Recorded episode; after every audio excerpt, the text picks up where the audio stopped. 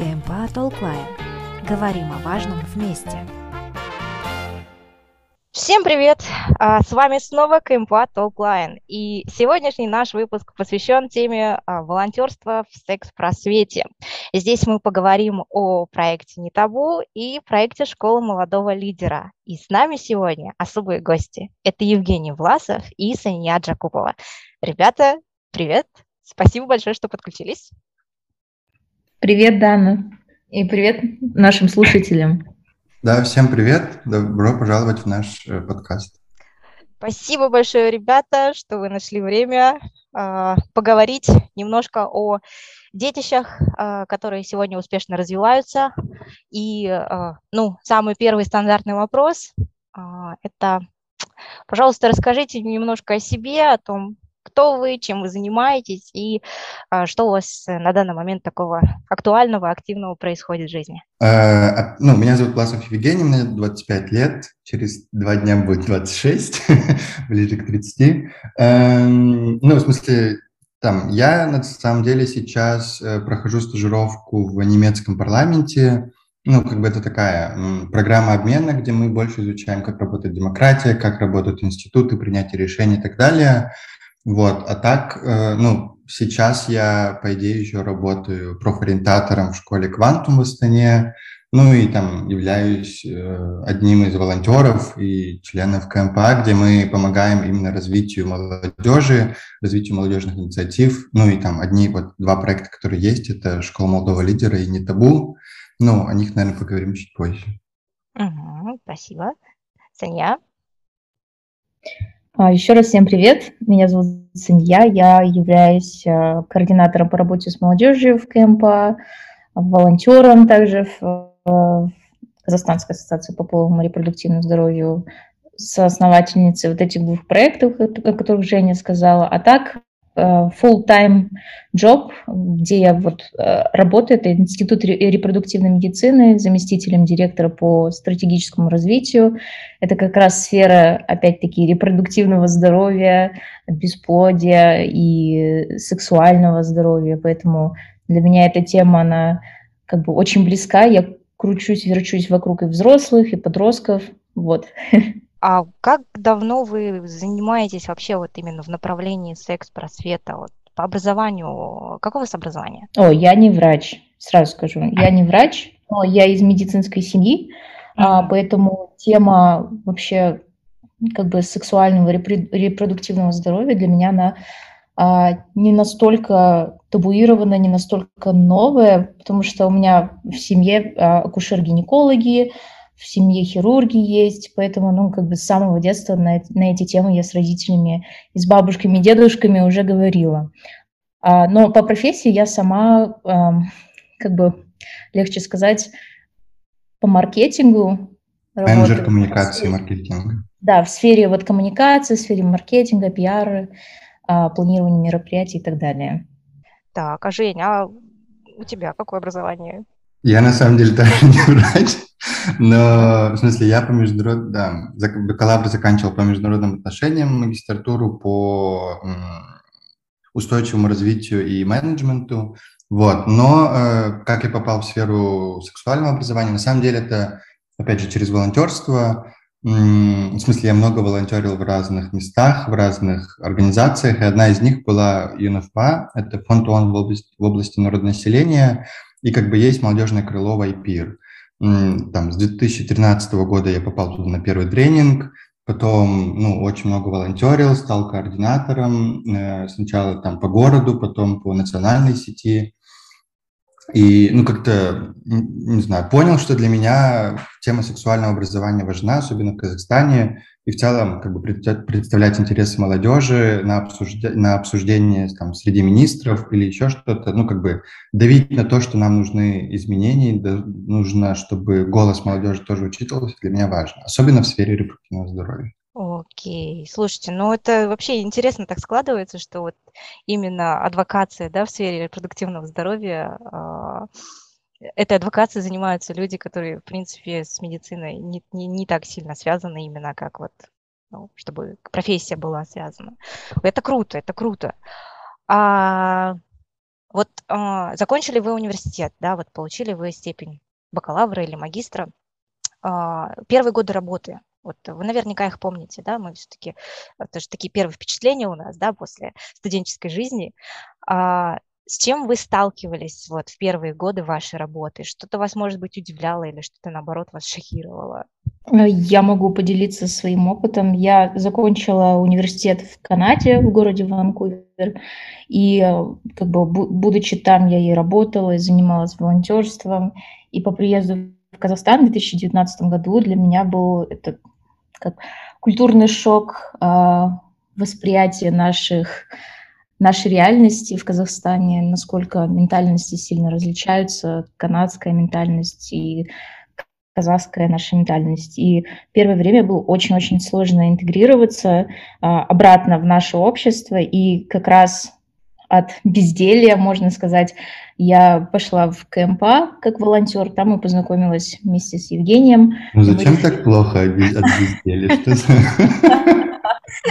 Нет, ну на самом деле, я честно признаюсь, первые полгода я, наверное, была в какой-то фрустрации, не могла прийти в себя, потому что такое, ну, как бы сильно колбасило меня, а, я не могла понять, а, идентифицировать себя, куда я больше отношусь, потому что я прожила пять лет в Канаде, и вернувшись в Казахстан, как бы я чувствовала, что я не совсем здесь, как бы и не совсем и в Канаде ну, как бы не совсем и канадка, не совсем и а, казашка. И поэтому мне было очень тяжело идентифицировать себя в дальнейшем. И а, решила заняться опять волонтерством и встретилась с Евгением. И так пошло-поехало, мы начали заниматься вместе проектом «Не табу», и я потом устроилась на работу, и как-то уже стало чуть легче. Это личный опыт. Можно предположить, что волонтерство в какой-то степени помогло тебе, да, с э, самоидентификацией?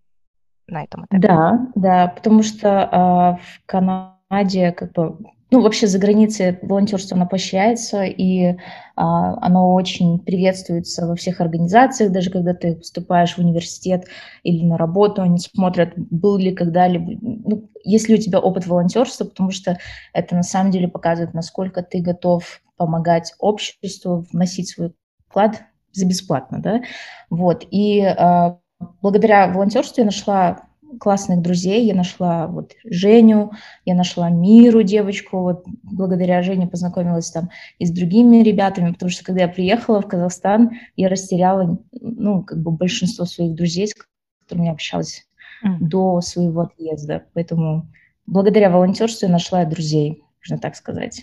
Проекты создали классные. Это, это нужно тоже, да, себе заметку сделать на всякий случай. В какой-то, если какой-то кризисный момент настанет, просто вспомнить опять, что волонтерство, есть такое вообще движение волонтерства, и оно действительно помогает, так или иначе. Это круто. Жень, а у тебя как с этим было вообще? Ну, во-первых, очень приятно слышать, что Соня так отметила. Спасибо. Эм, ну, в смысле, опять же, я считаю, что мне тоже волонтерство помогло с первым трудоустройством, ну, официальным, в смысле, я там работал по проектам, а официально я начал работать в большой международной компании в направлении HR и там, ну, safety, health and um, environment, в смысле направлений по устойчивому развитию, по идее, компании и вопросах безопасности. Но, опять же, это было так, что я там организовывал конференцию большую на тысячу человек, 30 компаний позвали, как бы там рейзить компании начали финансово или там логистически, чтобы они помогали. И вот полгода я просто волонтерил, в смысле с командой там из пяти человек, и после этого там подался на программу стажировки и прошел, и работал в международной компании качестве стажера, но это официально типа считается позиция специалиста, просто программа рассчитана на год. Эм, ну, опять же, мне кажется, из-за того, что они заметили мои там, навыки коммуникации, навыки управления там, людьми, проектами и так далее, это большой плюс сыграл на то, что я очень легко проходил все этапы собеседования, отбора, ну, и остался работать. Единственное, что я потом, ну, я сам удивлен от себя, но я работал типа с 8 до 5 на работе, с 6 до 11 я учился в университете на магистратуре. То есть она была вечерняя, но у меня каждый день он ну, такой был очень загруженный, но при этом я еще умудрялся в двух местах быть волонтером, ну как бы э, делать проекты. Тоже, ну, это на выходных, конечно, но все равно типа капец там, ну, белка в колесе, это просто отдыхает. Угу. А у работодателя не было вопросов к тому, что ну как такой загруженный график, э, ты еще и волонтеришь, э, что, что ты вообще делаешь? Я им не рассказывал, в смысле, я, я сказал, что у меня магистратура, но при этом они как бы от меня требовали такой же загруженности, как и следует. Единственное, что я там мог иногда отпрашиваться, сдавать сессию или еще что-то. Но при этом меня еще удивило, что работодателю вообще не важно, какого у тебя, какое у тебя профильное направление. В смысле, uh-huh. эм, ты можешь с маркетинга пойти в бизнес-аналитику или там, ну, более-менее куда отбирают это в IT-направление, а все остальные как бы им вообще не важно, какое у тебя профильное образование, ты можешь пойти куда угодно. Нет, это в Казахстане, программа, э, и, ну, она как бы довольно известная. Ну, в смысле, во многих международных организациях, там, типа в Марсе, э, есть тоже такая программа трехлетняя. Ну, вообще не важно, какое направление, главное, чтобы uh-huh. ты вот умел переучиваться или учиться чему-то новому. Окей, окей, круто. Ну, э, вообще э, классно, что мы подчеркиваем каждый раз особенности, важности темы самого волонтерства. А, здесь вот мне интересно просто, ну вот стали мы волонтерить, да, а, ну вот все-таки, когда вы поняли, что тема вообще самого репродуктивного здоровья, да, охраны репродуктивного здоровья важна и интересна, может что-то послужило триггером или что-то такое особенное, что вот, вот все, вот репродуктивка, вот она важна, надо? Ну, на самом деле, мне кажется, это больше такое, ну, в смысле, нельзя сказать, вот, типа, щелкнуло, но ты видишь проблемы, ты видишь ситуации, когда законодательство не соответствует, когда там, ну, э, происходит домогательство или там друзья, да, подруги начинают рассказывать о различных случаях домогательства в общественном транспорте, там, в барах или еще что-то, ну, как бы это не норм, ну, в смысле, должны быть какие-то определенные рамки, определенная политика, процедура, как действовать, что ну, полиция тоже может как бы задержать такого, такого человека, да. И, ну и в целом как бы репродуктивная система в Казахстане, не, ну, она как бы основная для воссоздания себе подобных, но она очень сильно страдает именно и в качестве услуг, и в ну, количестве услуг, и в целом ну, у людей нет понимания, что нужно безопасно вести свой образ жизни и как-то ответственно относиться к этому. И, ну, в смысле, чтобы были, была желанная беременность, желанные дети, планирование семьи в целом. Ну, такого концепта вообще нет и пока что я не видел. А, Дана, я не могу вспомнить моменты, когда у меня лично кликнуло, почему я хочу заниматься именно в сфере репродуктивного здоровья, но могу точно сказать, что а, я просто, вот как ранее говорила, выросла, родилась выросла в медицинской семье, и как раз у меня а, большинство моих родственников крутятся в сфере а, именно репродуктивной медицины, акушерства и гинекологии, и поэтому, может быть, ну, с детства я слышала различные вот эти темы, а, различные там, какие проблемы бывают у людей, и в подростковом возрасте даже я сталкивалась а, с, с таким, знаете, ну, как бы народ вообще не понимал. Вот молодежь совсем не понимала, как можно предохраняться, не знала про никакие там инфекции, хотя уже тогда существовал интернет, но они просто верили там своему молодому человеку или там друзьям или еще кому-то беременели. У меня были знакомые девчонки, которые делали аборты там в 16 лет, а знакомые мальчишки, которые уже там вели разгульную половую жизнь, не предохраняясь, заражаясь различными инфекциями в 16-17 лет, гордились этим и а, как бы и не понимали, насколько это опасно, страшно в последующем, какие могут быть последствия на их организме. А, там, например, к сожалению, проблемы с насилием, с, с домогательствами, с неравноправием, да, вот, это, вот эти все насущие проблемы, они есть в нашем обществе. И когда ты еще а, живешь за границей, видишь, как там общество реагирует на такие вещи, как они открыто говорят об этом, хочется в Казахстане внедрить вот это все, что есть на Западе, хотя, ну, многие люди считают, что Запад это как эм, прогнившее такое, знаете, развращенное место, логово такое. На самом деле это не так. Там люди уже давно об этом говорят, давно твердят про свои сексуальные репродуктивные права, про, про здоровье, как предохраняться и так далее. И это на самом деле замечательно, потому что общество у них более открыто, более осознанное, чем у нас. Даже вот э, сейчас, работая в сфере репродуктивной медицины, осознаю, что очень многие э, взрослые люди, которые, которые старше там, 35 лет, приходят и даже не знают элементарных анатомических, знаете, моментов по своему телу или не знают, что такое овуляция.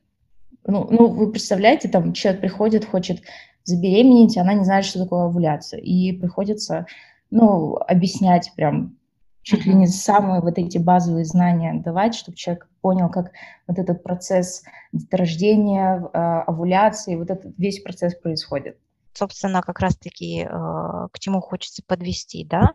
Вот э, по сути, ваш, э, вот э, на сегодняшний день а, вот одна из наших гордостей, да, один из очень клевых проектов, который вот стал результатом ваших усилий а, именно в части охраны репродуктивного здоровья, это вот как раз-таки проект «Не табу», да, который, по сути, за достаточно короткие сроки успел набрать большую аудиторию.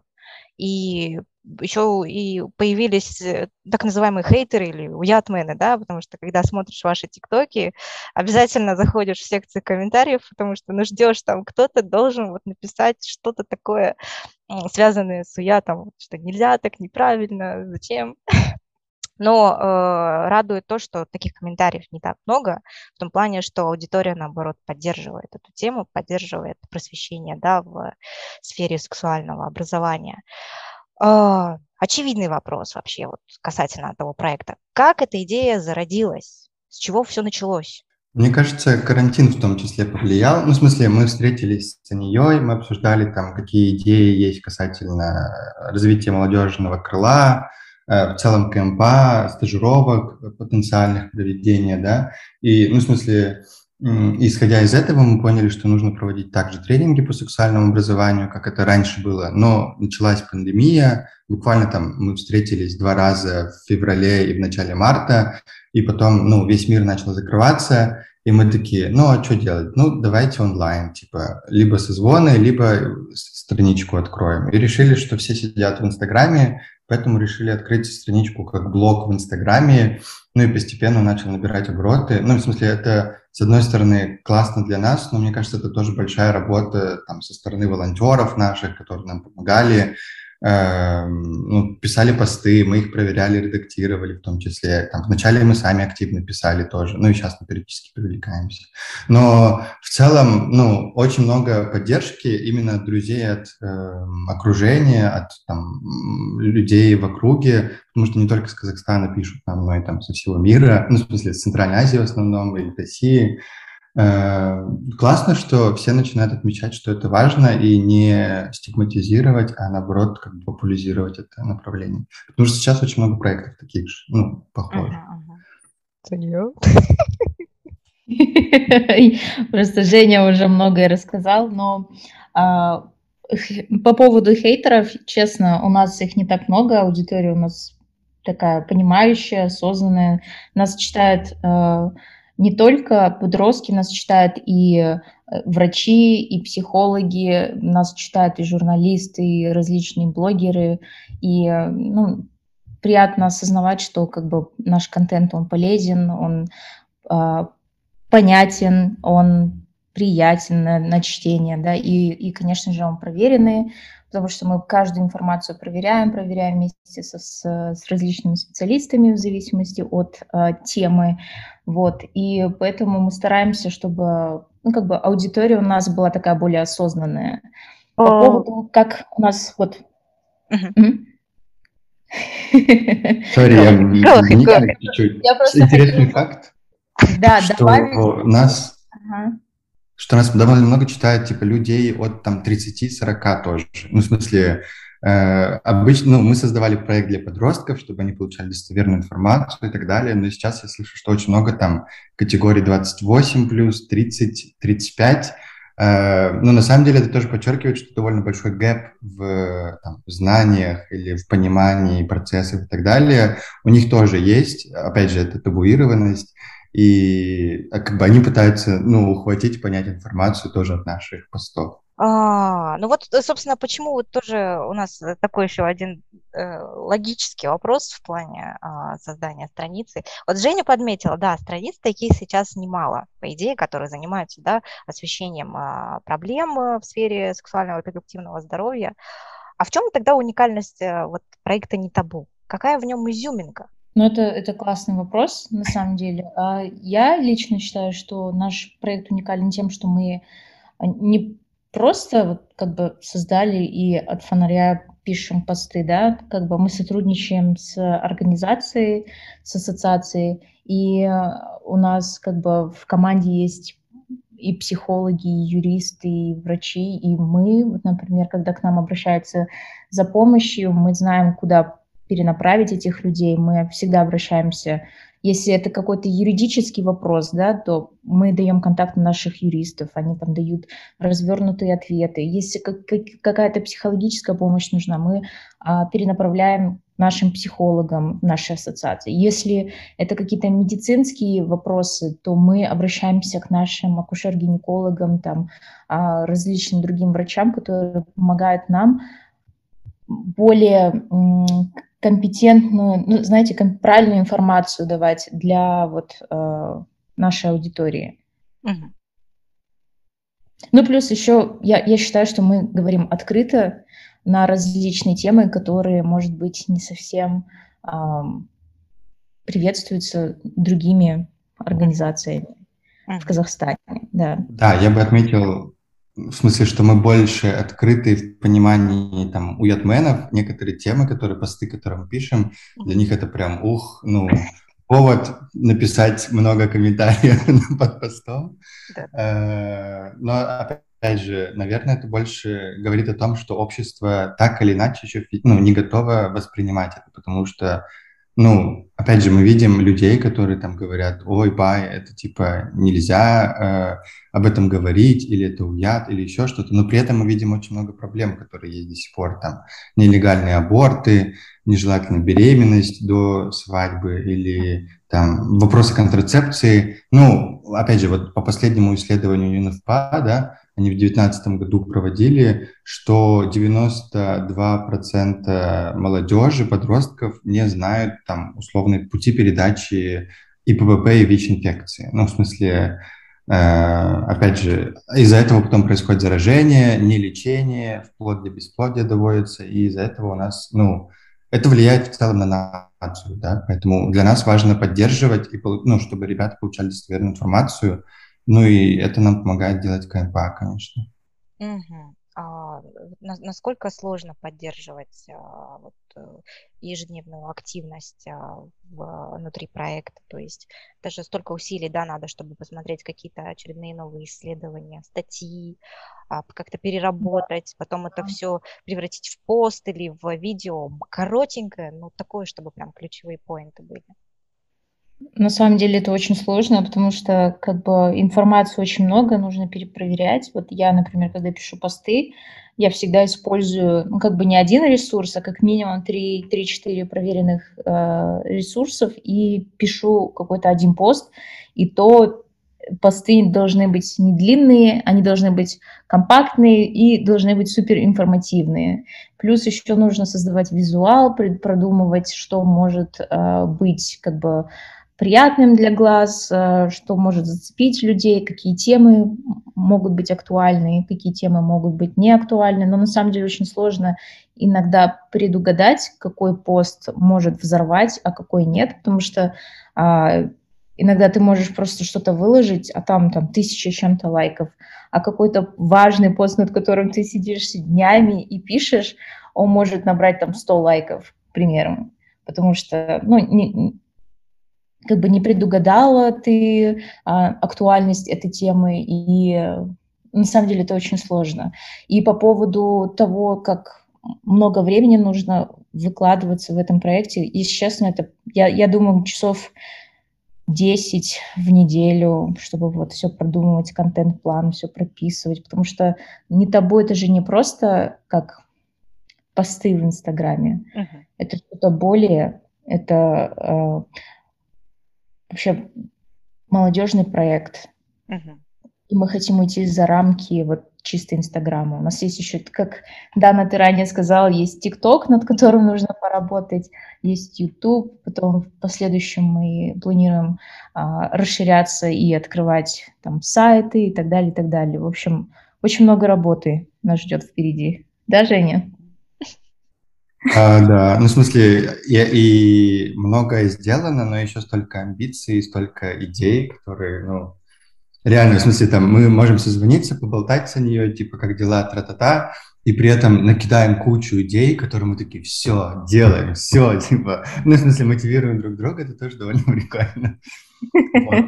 А если в целом говорить, ну, хотел уточнить один момент, когда мы говорим достоверные источники, это не ни в коем случае не форумы, не типа Mail.ru ответы э, или еще там женские какие-то форумы, которые выходят, да, с ответами обсуждений условных врачей или еще кого-то там, народных целителей. Но, опять же, достоверно это международные организации, типа Всемирная организация здравоохранения, это ЮНФПА, это какие-то медицинские центры, но, ну, международно признанные, э, типа там э, американское агентство по инфекциям, да, либо есть сайт планируемое родительство э, IPPF. Тоже, ну, как бы, они считаются более-менее достоверны, потому что они пишутся профессионалами, экспертами, а не так, что задали вопрос, и все, кто что знал, слышал, пишут в форуме в ответах. Угу, угу. Еще один такой вопрос, э, ну, это вот вопрос больше, знаете, я, наверное, я не успела задать его, в нашей casual беседе. А, в прошлом году, вот а, насколько, если я не ошибаюсь, да, в прошлом году же, да, у вас еще было участие, выступление на конференции глобальной платформы AIESEC. Вот, э, я не знаю, меня закидают, наверное, помидорами, или как, э, как правильно произнести название этой платформы? ISEC. ISEC, вот. И я помню, что вы выступали на ISEC, и, насколько я помню, это было очень крутое выступление. Можете, пожалуйста, рассказать, как оно прошло вообще? Ну, там я не помню определенное количество участников, но я помню, что было больше 50, и это были студенты Назарбаевского университета, если не ошибаюсь, да, Женя? Э, там, на самом деле, ну, опять же, участие бесплатное для ребят из всего Казахстана, опять же, проясним, да, ISIC – это международное, опять же, волонтерское движение, которое занимается больше вот таким э, культурным обменом разных стран или покрытием разных тем, в том числе в бизнесе, в маркетинге, ну и очень много там тем, которые актуальны. И вот они пригласили нас как в качестве спикеров для участников, ну и да, на сессии было 50 человек где-то, потом онлайн подключалось, тоже довольно, ну, в смысле, потом посмотрели тоже. Но в целом довольно хорошо, но в смысле это не единственное выступление, которое у нас было или есть. У нас довольно часто зовут разные проекты какие-то, либо какие-то фонды, инициативы, которые делаются в Казахстане, э, ну, м, приглашаются в качестве нас как спикеров. Э, там было одно сообщество, э, которое тоже, ну, даже не одно, а два, которых нас звали по поводу проведения Э, там, иногда бывают большие конференции только на Казахстан, либо только на Центральную Азию. Вот, например, в ноябре тоже была конференция, где мы рассказывали о нашем проекте, деятельности, успехах. И вот, типа, в июне будет follow-up, где мы будем обсуждать, э, как мы можем улучшить ситуацию, особенно в сфере гендерного равенства, э, там, улучшений вопросов, ну, профилактики бытового насилия и так далее. Uh-huh. Ну, в смысле, довольно часто привлекают именно за счет страниц. Я бы еще хотела добавить, да, что э, в нашем проекте как бы это не так, что чисто мы с э, Женей вдвоем все делаем.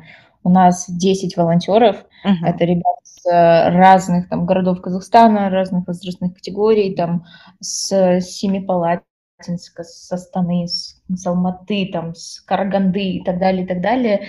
И а, вот активных таких прям суперактивных волонтеров мы отправляем на какие-то конференции, чтобы они представляли КМПА, представляли молодежное крыло и рассказывали о нашем проекте. Поэтому, ну как мы э, даем тоже инициативу в руки наших э, волонтеров и продвигаем их тоже в этой деятельности. Uh-huh командная работа у вас.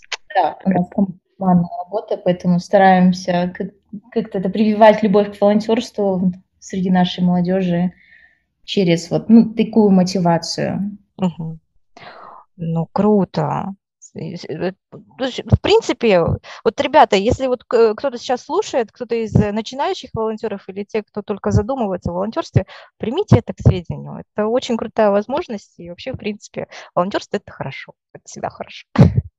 Еще одна, кстати, классная инициатива, в которой вы тоже замешаны, ребят. Это школа молодого лидера. Это вот а, если я не ошибаюсь, это проект, который сейчас идет на текущий момент. Расскажите, пожалуйста, об этом проекте тоже. С чего все начиналось, э, что сейчас происходит и ожидаются ли какие-то апдейты на ближайшее будущее? Э, ну, проект «Школа молодого лидера» мы запустили в прошлом году. В прошлом году у нас был э, первый поток. Мы с Женей долго думали, как бы одним проектом не табу, но как бы этот проект очень интересный, но хотелось бы собирать вокруг себя, вот знаете, таких э, амбициозных, умных, э, креативных, молодых людей, которые тоже хотят создавать социальные проекты, хотят менять наше общество.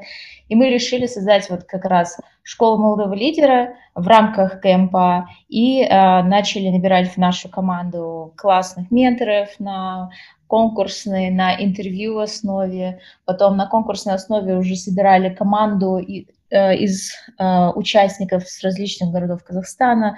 У нас были там от возрастная категория от 15-16 лет до 23 лет, а, и э, в конце у нас как бы в конце завершения нашего проекта у нас был как э, гран-приз, три, точнее, три приза. А, а, Три призовых места для, да, ну, да. на грантовой основе. На грантовой основе как поддержка от э, КМПА э, для развития этих проектов. Как, ну, не, небольшая такая поддержка от КМПА. Вот. И в конце э, прошлого года у нас защитились 8 проектов из 8 проектов. Вот три проекта выиграли первое место. Там первое место девчонки выиграли по проекту о менструации, что это абсолютно не табу, они хотят говорить об этом. Второе место – это мальчик, который хотел а, объединить школьников, учителей и говорить о школьной системе, какие там насущие проблемы бывают у школьников. И этот проект, он до сих пор живет, он активно ведется и очень ну, как бы замечательно видеть, что ребятам это на самом деле интересно заниматься своими проектами. Вот, и третий, конечно, третье место там ребята по экологии заняли у нас. А, вот, и мы решили запустить второй поток в этом году с Женей. И немножко там переделали а, модули, переделали, а, как бы поняли, и какие у нас были ошибки в первом потоке. И uh-huh. надеюсь, вот этот второй поток, он будет намного лучше, интенсивнее, интереснее, чем первый поток. Uh-huh. Да, для нас важно на самом деле, чтобы ребята получили теоретическую ну, базу, да, в смысле понимание вообще, что такое проект, что такое социальная проблема, что такое социальный проект, как он решается, почему он должен решать социальную проблему и как в целом улучшать э, себя и сообщество, да, в котором ты живешь, через вот различные проекты, активности, инициативы. И, ну, очень классно, что у нас, блин, у нас, не знаю, я всегда горжусь командой тренеров, потому что они реально очень классные. Там Елена Наракидзе, которая работала, училась в Колумбийском, работала в э, международном Peace Corp, э, в различных там ивоновских агентствах, и потом с подростками до сих пор работает, да, и, ну, у нее классный опыт именно вот в навыках коммуникации, эмоциональном интеллекте и так далее. Там есть и Лайбик Султан, который, блин, ну, работал в разных локациях, в Казахстане, в разных организациях, в Москве, в, в Израиле, ну, как бы такой международный опыт, который показал ребятам касательно дизайн мышления, да, основам проектов и так далее. Ну и наша команда, кто мы как профильное образование, uh-huh. я по сексуальному образованию, я по навыкам критического креативного, ой, мышления и мира по основам маркетинга, продвижению проектов. То есть такой, ну, для нас важно дать теорию, и на практике ребята уже начинают именно работать с менторами, но менторы у нас тоже очень классные. Ну и как сами участники. А как вы находили, как вы смогли набрать такую команду классных креативных творческих людей, менторов, кто готов был бы уделить э, внимание проекту и ребятам, учащимся? Ну вот в первом потоке мы, когда запускали, мы искали, ну как бы через нашу страницу Инстаграм и э, бросили клич среди знакомых и друзей, там, ну чтобы найти менторов. Вот, и э, во второй раз как бы у нас уже был опыт с, в работе с менторами, и мы поняли, что ну как бы э, можно и среди знакомых поискать, как бы Э, по поводу менторов мы искали среди знакомых. Uh-huh. И бросили, конечно же, клич среди вот, ну, других учащих, учащихся. А, а так, насчет участников школы, это все благодаря нашей странице, плюс а, рассылки от кемпа в школы, там, в другие организации. Вот так вот uh-huh. мы искали. Ну, опять же, стоит подчеркнуть, что мы проводили, в смысле, жюри проводило отбор все на честной основе, выставляя бальную систему согласно анкетным данным. Если это потребовалось, то проводились созвоны дополнительные для менторов, да. Но, опять же, так получилось просто, что мы кого-то так или иначе заочно знаем, там некоторые ребята где-то в проектах участвовали, некоторых мы знаем, потому что там в одной организации были или в одной компании работали, и, ну, более-менее уверены в, и в адекватности, и в ответственности да, человека, э, и, ну, в смысле, стали привлекать к проекту тоже. А по поводу, вот э, у вас э, сейчас очень такие классные проекты текущие, они вот идут, да, может быть, у вас уже какие-то есть идеи о новых проектах или какие-то инициативы, которые вы хотели бы попробовать реализовать, а, исходя из успеха текущих инициатив? Может быть, у вас есть какая-то планируемая коллаборация с кем-то? Раскройте нам все свои секреты. Ну, так сразу секретов не расскажешь, но э, ну, в смысле, пока что для нас в планах это все-таки более-менее придать устойчивость проектам, ну, одна из там больших глобальных идей, если, это, если провести школу на Центральную Азию, а не только на Казахстан, mm-hmm. чтобы, ну, давать возможности для ребят, в том числе кооперироваться после. Ну, в смысле, что иногда проблемы, ну, более-менее похожи для всей, Центральной Азии, да, ну, так или иначе, там, например, не знаю, тоже трудоустройство, либо те же вопросы э, контрацепции, репродукции человека и так далее, да, и, может быть, они здесь могут кооперироваться и как раз-таки помогать друг другу, либо организации, потом те, которые сотрудничают, могут их поддерживать тоже. Тогда, ну, это придаст такой новый второй моторчик, который будет развиваться, двигаться, да. А, ну, по, по нетабу, мне кажется, ну, мы предпочитаем лучше показывать, чем говорить об этом, э, задерживаться с ответами. Ну, окей. Да, я, я признаюсь тебе, у нас наполеонские планы. А, ну, вот не сомневался-то никто. Вот поэтому нам-то интересно, как вообще, что, что, что будет происходить дальше? Что будет дальше? ЧБД, да? Что будет дальше? А, конечно же, вот в планах не табу это а, работа с различными другими проектами. Конечно же, это выход а, из зоны комфорта не только в социальных сетях и проводить что-то офлайн.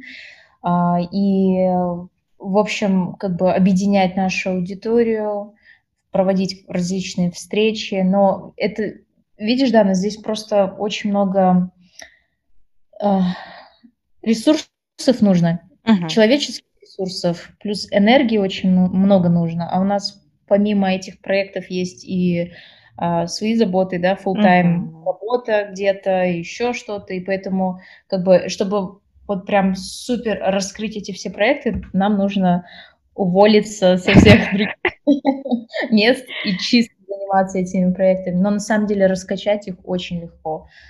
Очень легко. А, как бы я лично считаю, что репродуктивная как бы сфера именно репродуктивной медицины, здоровья, сексуального здоровья, она это такая ниша, которая не занята у нас в Казахстане, и можно такие классные проекты придумывать, э, проводить, различные ивенты, можно такое классное сделать, поэтому планов у нас очень много, но чтобы это все реализовать, нам нужно время. И uh-huh. очень много, много-много усилий, знаний и терпение. Ну, я думаю, это, это все у вас однозначно будет, ребят, с, такими, с таким усердием, э, с, таки, с такой любовью к каждому из текущих проектов, с таким рвением однозначно все будет в лучшем виде. А, мы верим, мы знаем. А, ну, по поводу вообще в целом, вот а, обсудили мы с вами, да, сейчас а, немножечко так в общих чертах, да, а, историю проекта «Не табу», историю проекта «Школа молодого лидера», как все это происходило, начиналось.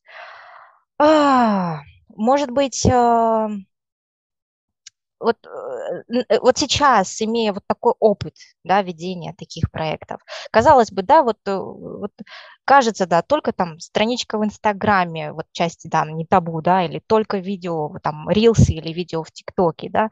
Вот обыватели, когда это смотрят, они же, по идее, не задумываются, да, сколько усилий уходит на все это, а потому что, ну, нам что, нам просто надо посмотреть в сетях, что такое интересное, о, круто, это же еще и информативного содержания, такой контент, ну, да, немного информации, ключевой, все круто, я буду иметь в виду, я это возьму себе на заметку, и вот тоже в части да, школы молодого лидера э, участники приходят, они поглощают информацию э, и дальше уже ее используют да, как-то в своей жизни, в своих, может быть, каких-то профессиональных э, не знаю, качествах, навыках, развивают их.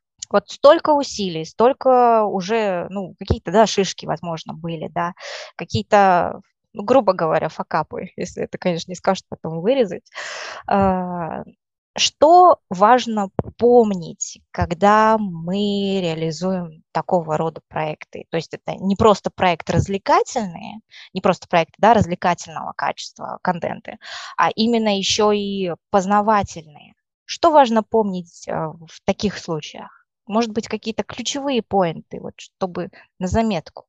Ну, во-первых, это точно следить за трендами, какие актуальны сейчас, в смысле не только тренды ТикТока, а Э, актуальные темы в обществе, да, то есть если сейчас, не знаю, идет вопрос принятия законов о насилии и насильниках, да, то, может быть, делать посты касательно, как это обстоит в Казахстане, в чем проблема, в чем, ну, э, как ее можно улучшить, да, какие-то инициативы, идеи и так далее. Либо если эта тема э, не знаю, тех же домогательств, которые вот там вчера, да, посты появились, как бы, э, ну, может быть, написать именно пост на эту тему. Вот, но еще важно очень всегда помнить свою аудиторию, ну, в смысле, кто э, ваша целевая аудитория, для кого вы стараетесь, для кого делаете и что им потенциально интересно. То есть для нас это были, ну, есть подростки, э, но, опять же, иногда мы чуть-чуть выпали, потому что мы уже старше, мы не знаем, что актуально. И мы прям, там, когда видим школьников, ну, или общаемся с ними, такие, так, идеи, идеи, что важно, что, что вам интересно, спрашивайте, давайте делать. Ну, в смысле, мы будем писать, вы нам скажите просто на какие темы, да, или еще что-то.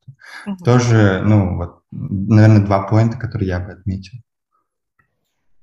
А, я бы еще хотела добавить, что нужно не забывать, с какой целью мы создавали этот проект. Это не просто, ну, как бы, это не просто проект для нас, это место, где мы делимся своими э, взглядами, своими какими-то знаниями, с, с наболевшими темами, когда мы пишем посты, это не просто пост, как бы просто так написали, чтобы просто что-то выложить.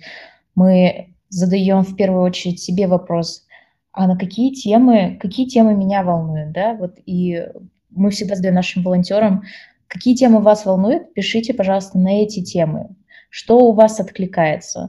И поэтому у нас эти посты, они откликаются, ну, когда, когда они написаны с душой, мы видим большой отклик от нашей аудитории. Может быть, и количество лайков не совсем большое, но мы видим, что, что люди нас читают, что люди сохраняют нашу историю, что они репостят, что они там, что они делятся между собой, они нам пишут в директ э, с благодарностью, что спасибо, что поднимаете такие а, насущие темы, которые волнуют нас. Они просто, знаете, волнуются, многие не хотят показывать, что они подписаны на нашу страницу, что они читают, ставят лайки, потому что, к сожалению, Инстаграм это же не анонимная платформа, и там все видно, кто что лайкает, кто какие комментарии оставляет. Вот, и поэтому многие, ну, стесняются нас лайкать, но читают. И это на самом деле очень приятно, даже когда ты видишь, что количество, там, например, активность не супер высокая, как каких-то а, в развлекательных, на каких-то развлекательных каналах, но ты понимаешь, что эта информация, она достучится именно до той аудитории, которая нужна, uh-huh. а, которой нужна эта, эта информация. И на самом деле приятно, когда ты, например, на улице встречаешь незнакомых людей, начинаешь с ними разговаривать, и они говорят, ой, я знаю этот проект, я читаю.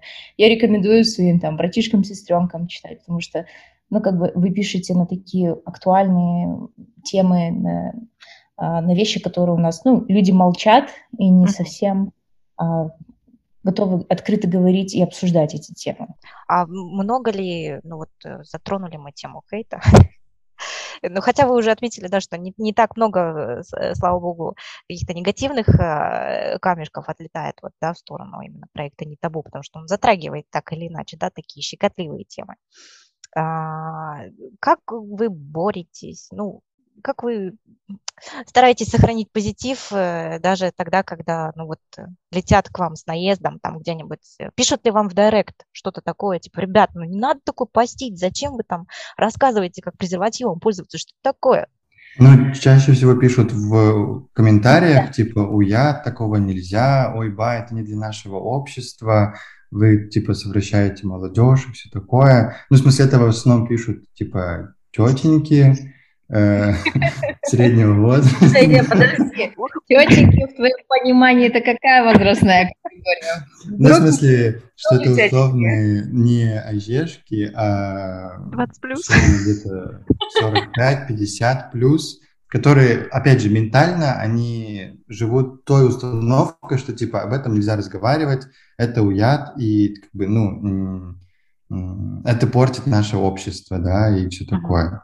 Поэтому это как бы... Ну, были случаи, когда, например, блин, ну там типа мы отказали в партнерстве с э, девушкой, которая хотела написать посты плат, на платной основе, и в итоге она выставила в сторис очень много постов, что мы вообще непонятно кто, Шарашкина контора, uh-huh. э, которая непонятно как общается, и что-то еще, что-то еще. Ну, как бы мы такие, спасибо за ваше мнение, ну, в смысле, учитывая, что мы отказались сотрудничать, это означает, что нужно как бы так выставлять. Ну, да. ну, нас.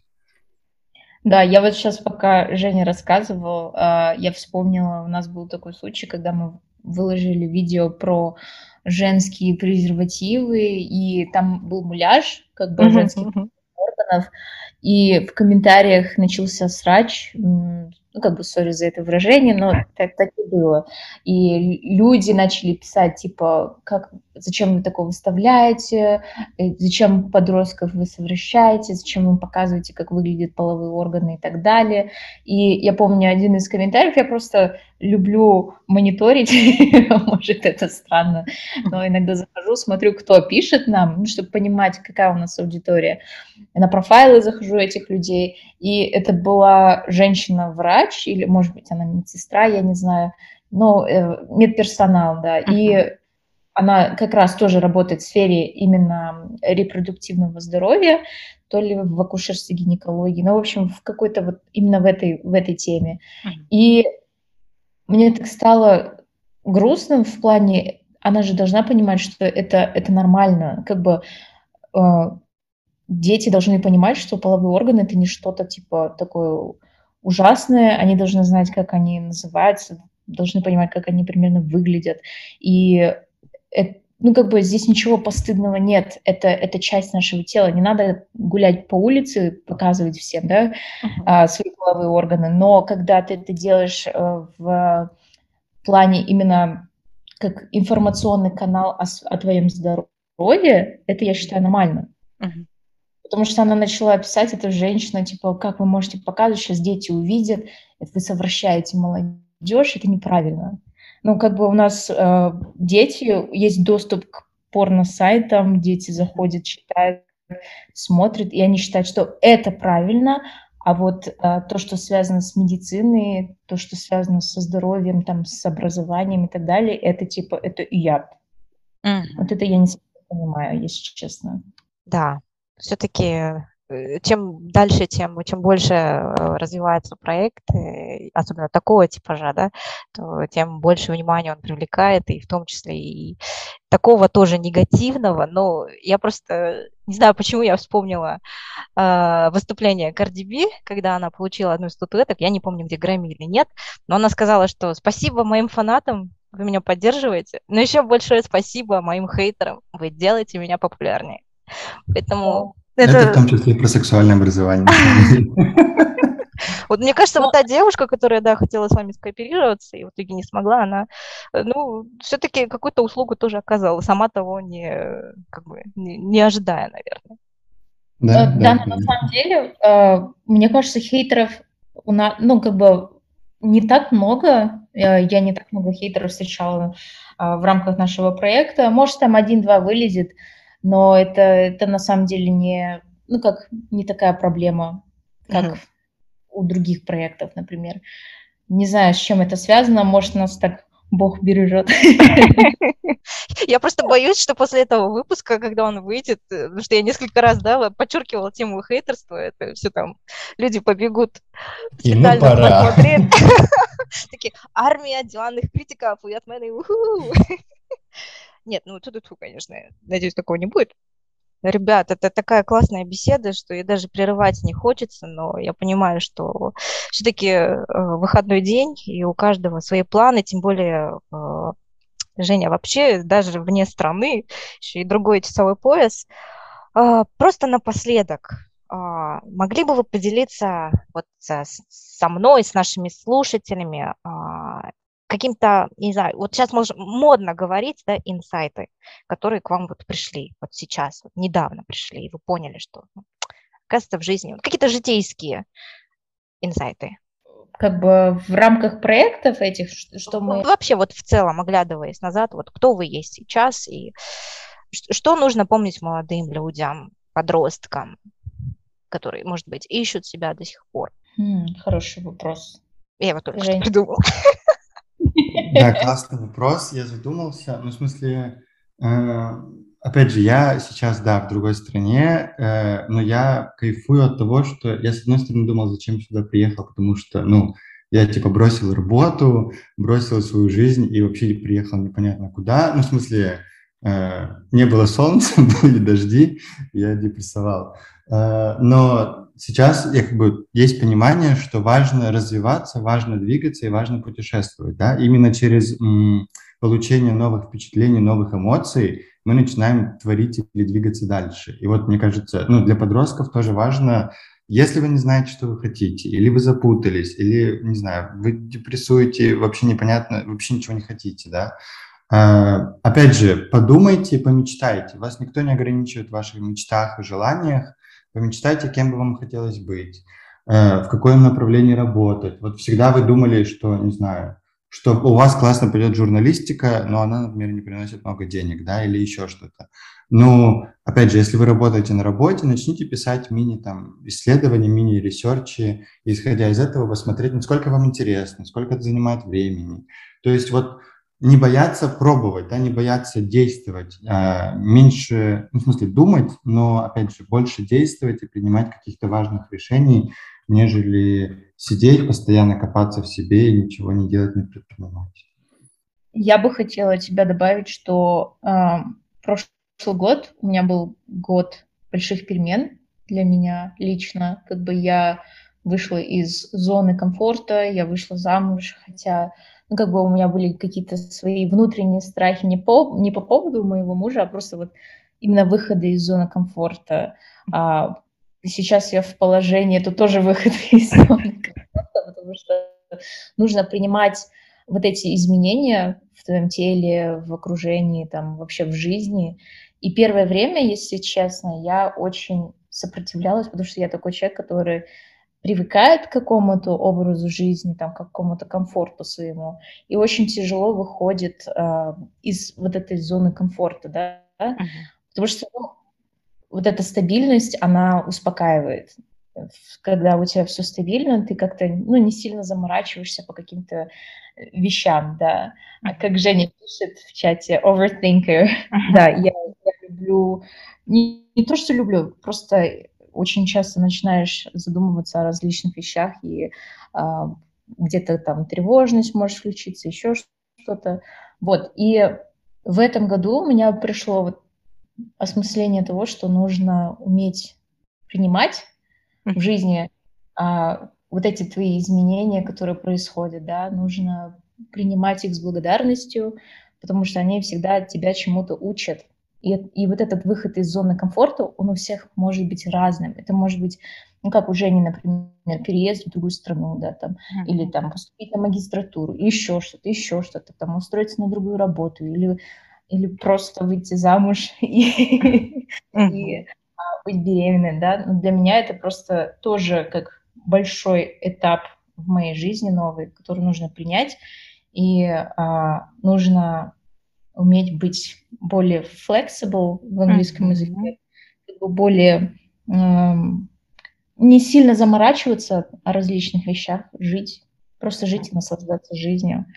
Вот. И я считаю, что у нас просто, когда я себя вспоминаю там подростком или будучи там студенткой, ты заморачиваешься о таких различных вещах, которые в последующем может вообще не иметь какого-то значения.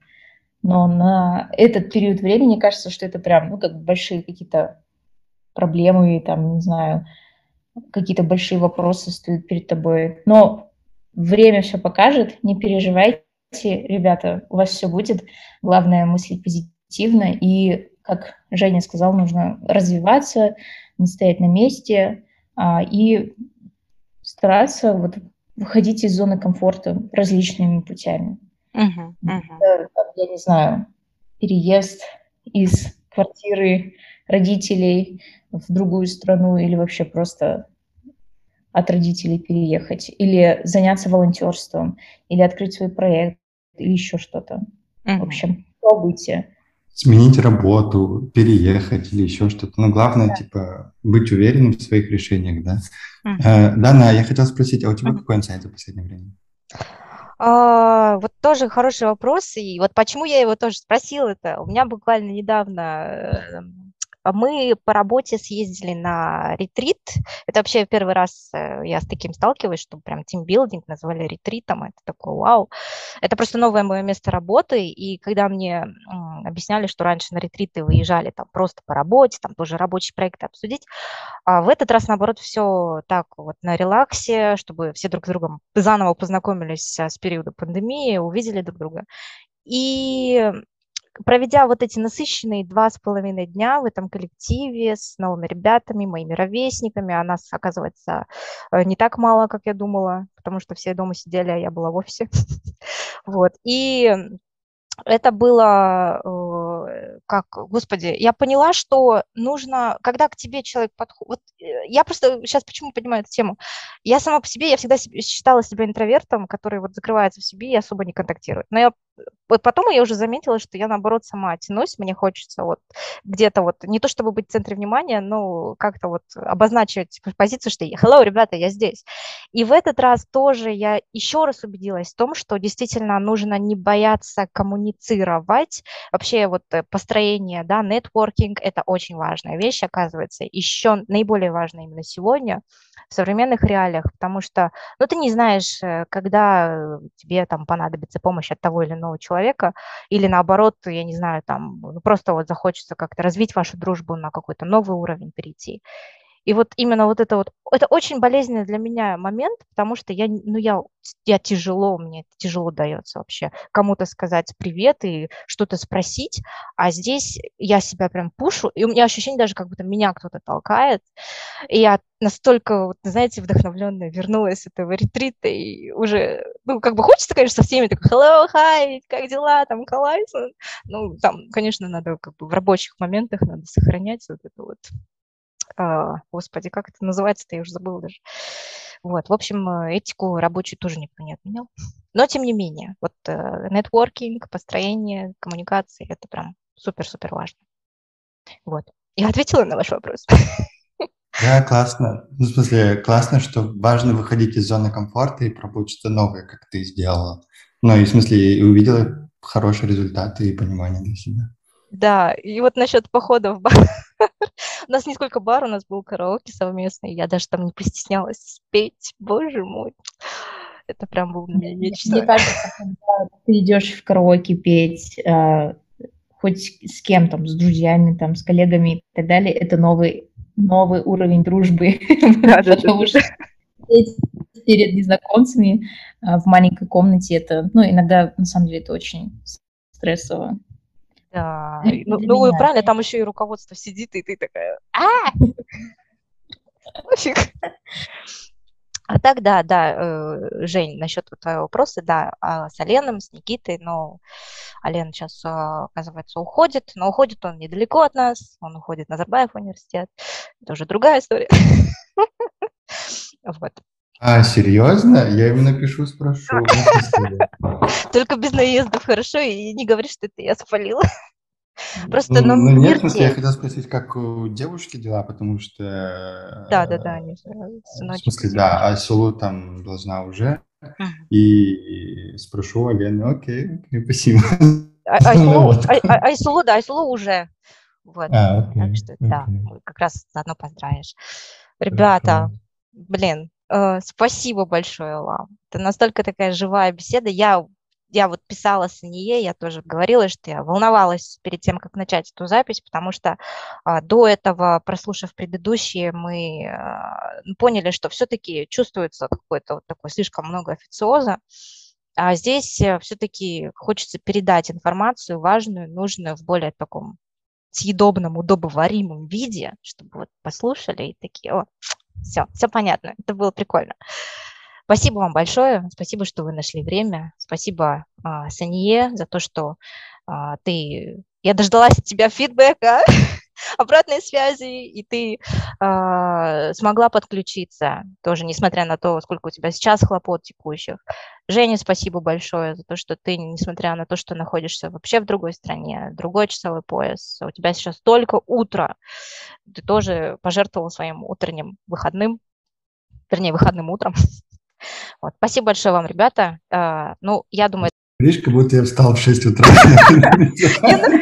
Это слишком мощно. Спасибо Ой. тебе на самом деле, что, ну, очень так, ты, ну, ты очень классно ведешь, в смысле, очень приятно было беседовать, разговаривать, и, ну, как, не знаю, как-то легко идет, потому что, мне кажется, люди такие, поэтому спасибо вам. Да, спасибо большое, Дана, за приглашение, очень приятно тебя слушать, и э, от меня комплимент, у тебя очень приятный голос, поэтому хочется слушать, да. Ребят, это, я надеюсь, это не последняя запись наша с вами, э, Санья. Э, мы хотели бы тебя пригласить как э, спикера по теме буллинга, если у тебя будет время, чтобы мы как-то тоже смогли запроцессить. Жень, у нас с тобой тоже отдельная тема, и uh-huh. как будет время, пожалуйста, let me know. Все, я, наверное, завершаю потому что мне хочется говорить дальше, но мне нужно завершить. Спасибо большое еще раз, ребят. Дорогие слушатели, присоединяйтесь к нам в нашу волонтерскую сеть э, КМПА. У вас будет прекрасная возможность э, поработать, э, в том числе и с такими проектами, потому что у Нитабу тоже есть свое волонтерское крыло. Если у вас есть желание, драйв, мотивация помочь, поучаствовать, у вас есть идея, пожалуйста, дайте нам знать. Э, электронный адрес э, нашего, нашего подкаста в описании. Пишите. Мы всегда дадим обратную связь. Спасибо большое всем. Всем до следующего выпуска. Всем пока. Пока-пока. С вами на связи КМПА Толклайн. Говорим о важном вместе.